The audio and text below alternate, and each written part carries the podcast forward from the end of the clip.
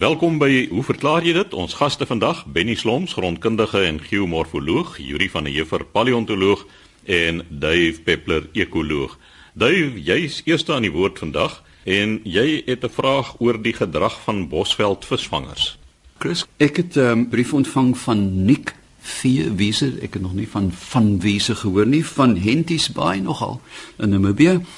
En hy sê Ongeveer 'n maand gelede het 'n visvanger voeltjie homself in my tuin kom tuismaak en hy is nog steeds hier. Volgens die handgids is dit beslis 'n bosveld visvanger. Wat nou eienaardig is, is dat ek nie 'n visdam of 'n ander oopwaterbron in die tuin het nie en dat die ouetjie wurms en goggas vreet en selfs klein mossie kuikens uit die nes haal. Dit stikkend buite van die binnegoed vreet. Klink verskriklik. Sou dit algemene gedrag wees? Ek sien ook op die gebiedskaart dat hierdie visvangers wel in die verre noorde van Namibië aangetref word. Hier by die kus het in die afgelope 30 jaar nog nooit gesien nie. Nou ja, ek is net so verbaas as jy, Nik, maar kom ons kyk eers gou ouer gewoonte na hoe hierdie visvangertjie klink.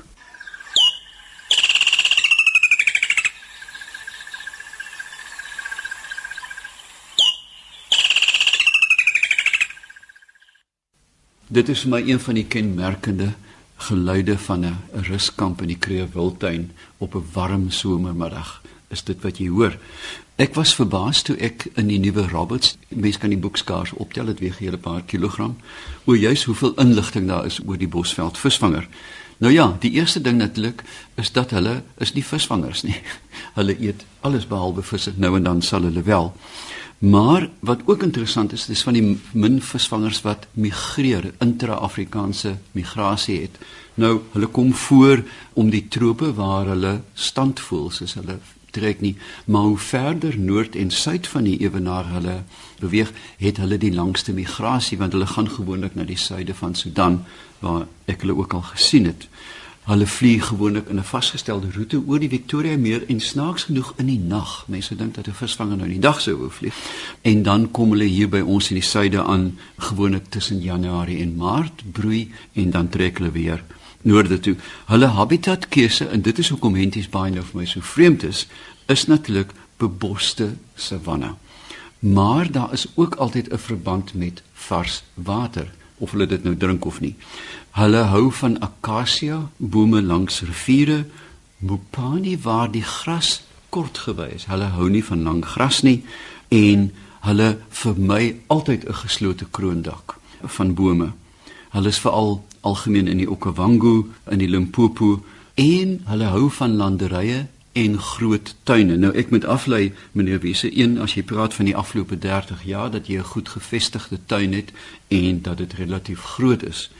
Hoe het die voeltjie hier gekom kan ek nie verklaar nie, maar een ding weet ek wel, is dat alle organismes, veral voëls, is konstant op soek na nuwe habitat. Hang af van die digtheid van die bevolking en daar's altyd wat die Engelse noem 'n floating population, 'n bevolking wat op soek is na 'n nuwe heenkome. Gevolglik kan jy in die middel van die Karoo in die Karoo Nasionale Park staan en op 'n goeie dag swee Ek weet die kleinste ou klein voeltjie wat eintlik net in beboste gebiede, hulle is op pad noorde toe. Die kanse is 99% dat hulle sou vrek want hulle gaan nie die volgende bos kry nie. Maar indien so 'n bewegende groep van organismes dan wel 'n bewoonbare plek kry, is hulle koning van die hoop en hulle kan dan hulle genes daar vestig mits hulle uiteraard ook dan 'n mannetjie of 'n wyfie by hulle het. Maar diere is gedurig aan die beweeg en meeste van hierdie diere vrek want hulle kom nooit by die nirvana uit nie. Hulle uh, is afhanklik van groot bome waar daar gate in is en hier kom my sedepreek vir Sondag. Baie boere, mense met wildkampe of met sogenaamde ruskampe is geneig om hout aan hulle gaste te voorsien, ook aan hulle werkers en aan hulle self.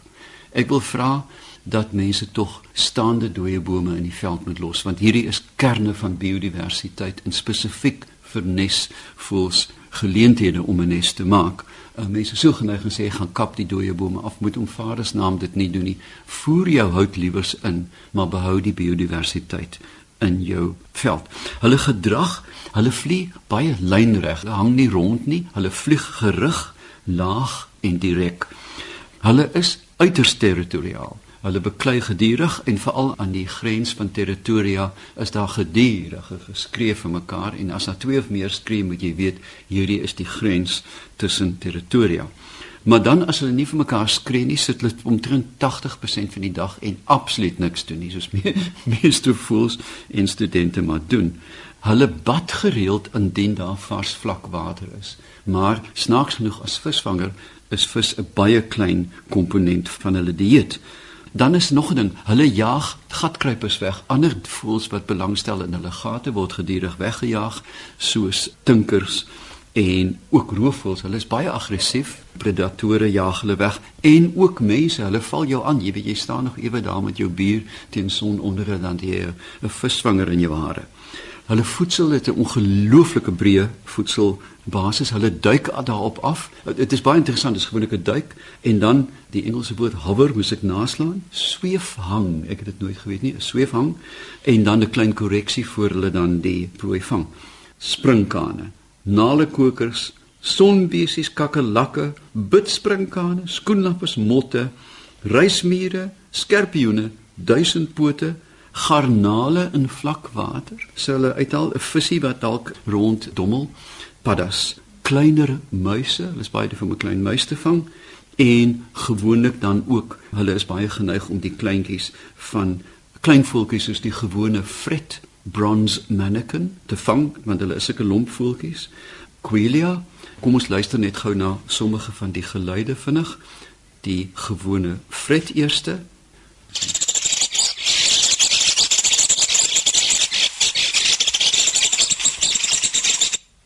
Dan die volgende roep is van die gewone Quelia.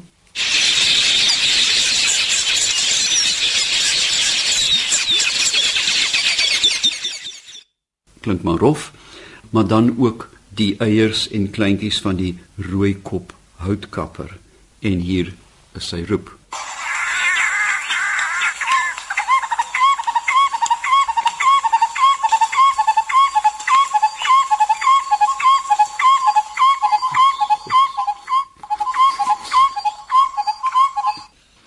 Dan is dit ook bekend nou en dan dat hulle die neste van die wit oorhoutkapper beroof en dan is ons laaste roep en hier is sy roep.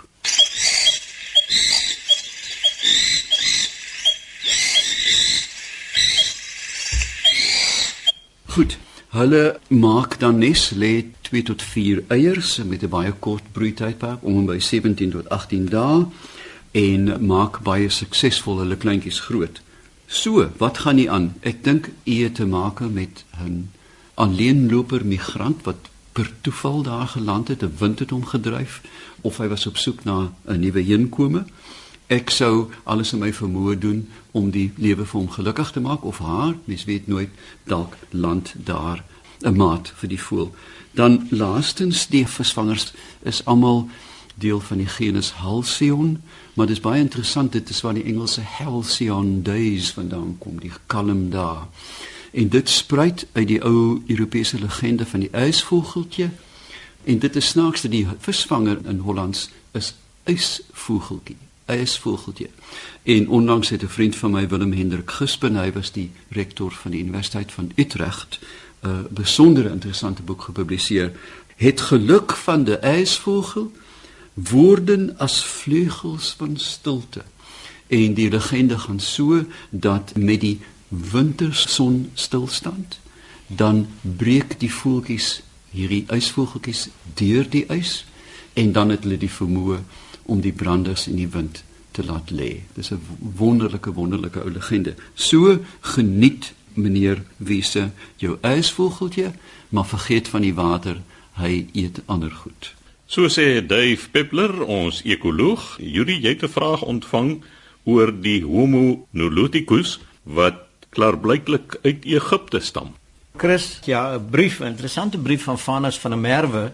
Nou ek sien dat in sy onderwerpsreël noem hy ook onder andere Homo naledi, maar dit is nie waaroor die navraag gaan nie en ek kan net hoop dat van ons luisteraars ook bydraes uiteindelik gaan lewer oor Homo naledi. Sy navraag lei as volg: Ek het ook 'n onlangse indrukwekkende uitstalling van die farao Tutankhamun se graftombe by Grand West Casino in replika vorm gaan besigtig. Daar het ek 'n boek gekoop waarin verwys word na die daaglikse lewe van die Egiptenare en dan verskyn die sin daarin Homo niloticus, this profoundly rural race of people to which almost all Egyptians belong. Ek verstaan sê Vanus, die moderne mens word bestempel as Homo sapiens sapiens en dis heeltemal korrek. Nou wil ek graag weet, hoe verskil Homo sapiens sapiens van Homo niloticus en is Egiptenare dan nie moderne mense nie? Nou, ons kan begin deur te sê dat anatomies moderne mense, nou dit is nog nie ons nie, dit is mense wat soos ons gelyk het, het ongeveer 200 000 jaar gelede ontstaan. Hulle het gelyk soos ons, maar hulle het nie selfone gehad nie. Met ander woorde, die tegnologie het nie bestaan nie. Hulle het nie ons tegnologie gehad nie. Hulle was tydgenote van die Neanderthal mense gewees, maar die Neanderthal mense was op 'n sytak, alhoewel die jongste genetiese inligting toon dat daar wel 'n beperkte mate van kruisstelling was tussen die Neanderthal mense en die anatomies moderne mense Homo sapiens. Die verskille is nogal merkbaar en ek dink om nou Homo niloticus en die moderne Homo sapiens sapiens bymekaar te bring, moet 'n mens net gou kyk na die verskille. Oor die algemeen was die skelet ligter geweest. Dit het 'n meer slanker skelet gehad. Dit was nie so robuust geweest soos die ander vorms van Homo geweest nie. Die brein was groter geweest, groter in die sin dat dit ook meer kompleks geweest het. En as 'n mens na 'n Neanderthal skedel kyk, dan sien jy dat die skedel is afgeplat, verleng met so 'n knop, so 'n uh, oksipitale knobbel aan die agterkant. Nou dit is tipies van die Neanderthal skedels wat Homo sapiens nie het nie en ons ook nie het nie. En daar is twee idees daaroor. Die een is dat daai knobbel eintlik die aanhegting gewees het vir nekspiere vir hierdie robuuste liggaam, maar daar's ook 'n ander artikel wat verskyn het wat daarop toon dat wanneer jy so 'n sydelings afgeplatte skedel het, mense noem dit 'n dolikokefaliese skedel, dan het jy eintlik minder plek vir die brein en daar word aangevoer dat hierdie verlenging na agter toe eintlik die verpakkingsprobleme van die brein opgelos het dat uh, dit gehelp het om die brein dan beter in die skedelholte in te kry. Die skedelwand oor die algemeen is dunner en die kromming bo op die kop is hoër as by ander skedels. En soos ons almal kan sien as jy na die mense rondom jou kyk, die voorkop is plat, amper vertikaal, die onderkaak is baie slanker, dis kleiner en ook korter. En as gevolg daarvan is die tande ook kleiner en die oogbanke is ook nie aaneenlopend nie, maar is kleiner met so 'n uh, holte of 'n groef tussenin. Nou dit tipeer alles die anatomies moderne mense van die ander groep en dit bestaan al vir die afgelope 200 000 jaar.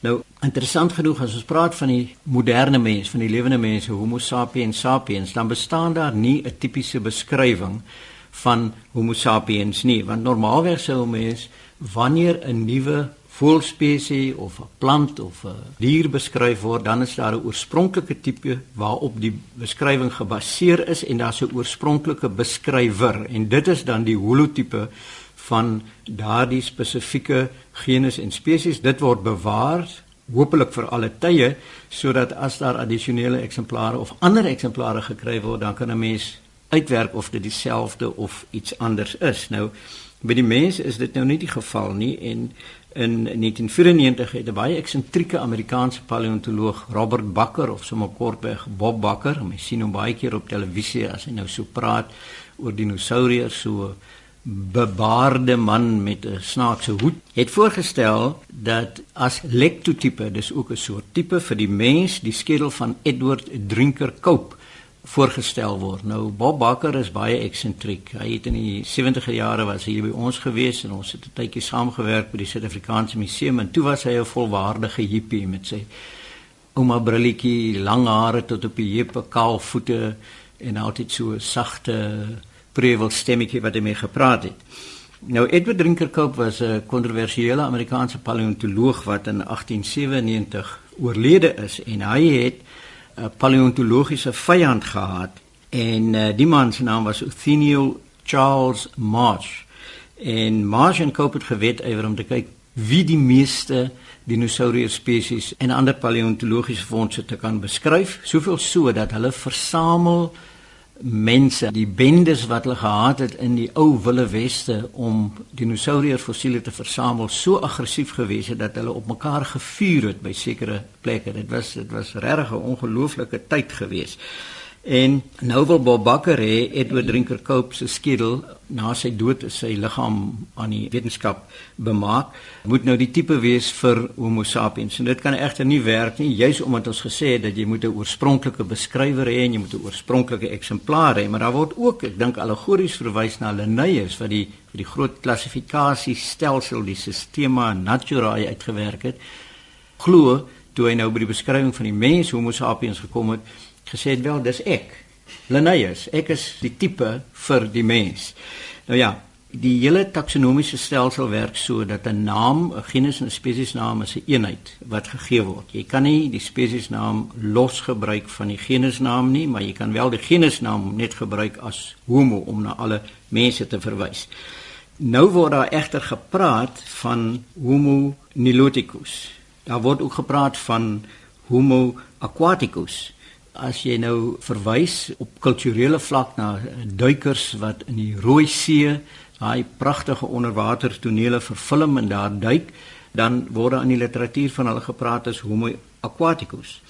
In 1989 is die film Leviathan vervilm en daarin was so 'n uh, seemonster, mensagtige seemonster voorgestel wat blykbaar nou deur die Russe met mutasies geskep is om nou hierdie vreesaanjaende mensagtige seemonster te skep wat nou weer vir die Amerikaners gaan probleme gee en dit toe hulle nou sommer die naam uh, Homo aquaticus daarvoor gebruik.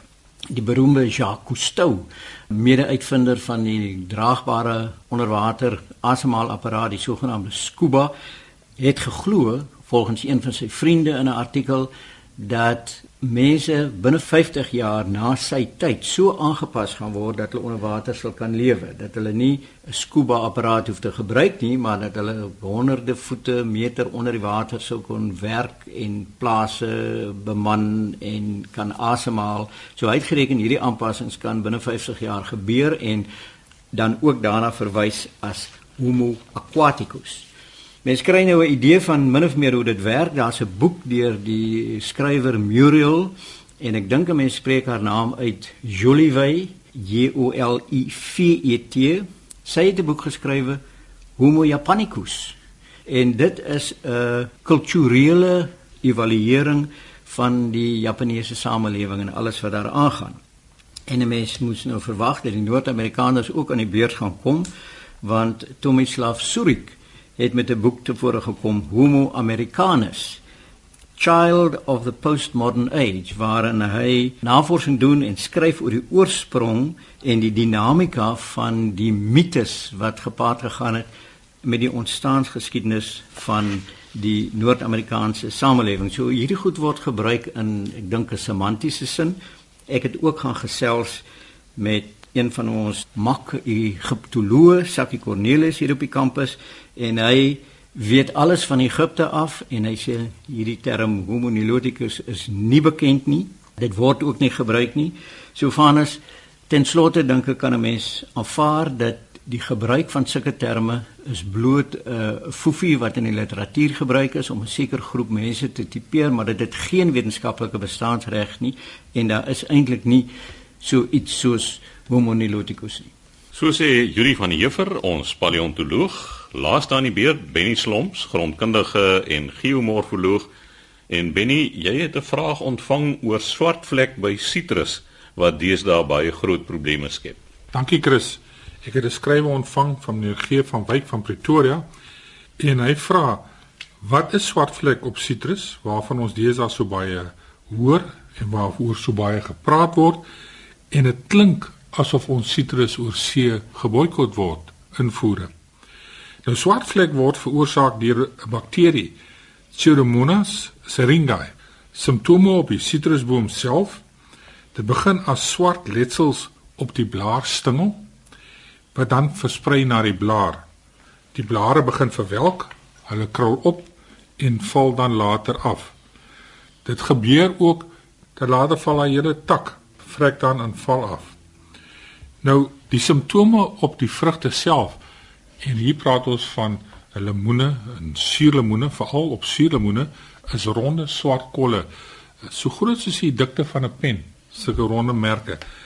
En hierdie infestasie van die Pseudomonas bakterieë op die vrugte geskied deur beserings wat die vrugte opdoen.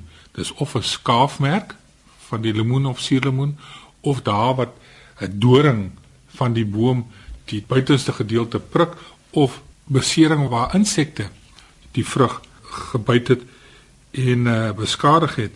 So sodra die bakterie op die vrug beland by die beseerde plekke, dan kry jy die ontwikkeling van 'n hele kolonie van hierdie Pseudomonas en dit veroorsaak hierdie swart kolle.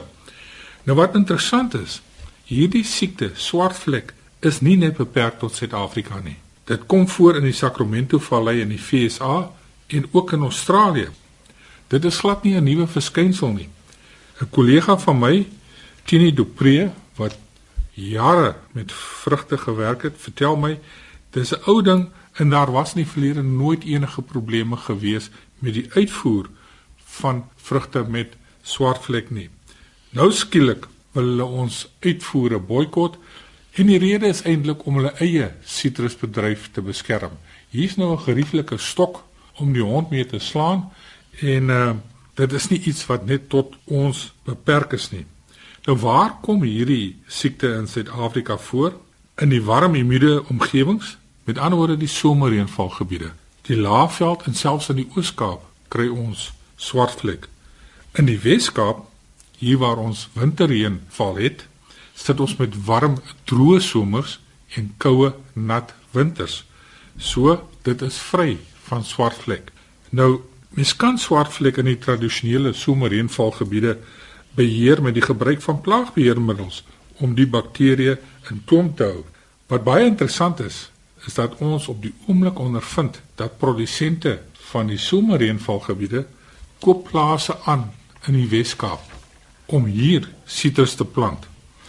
Dit maak sin omdat die Weskaap uh, swartvlek vry is en 'n mens weet nooit wat in die toekoms gaan gebeur nie in terme van die boikot of die gebiede waarvan hulle sitrus wil invoer nie.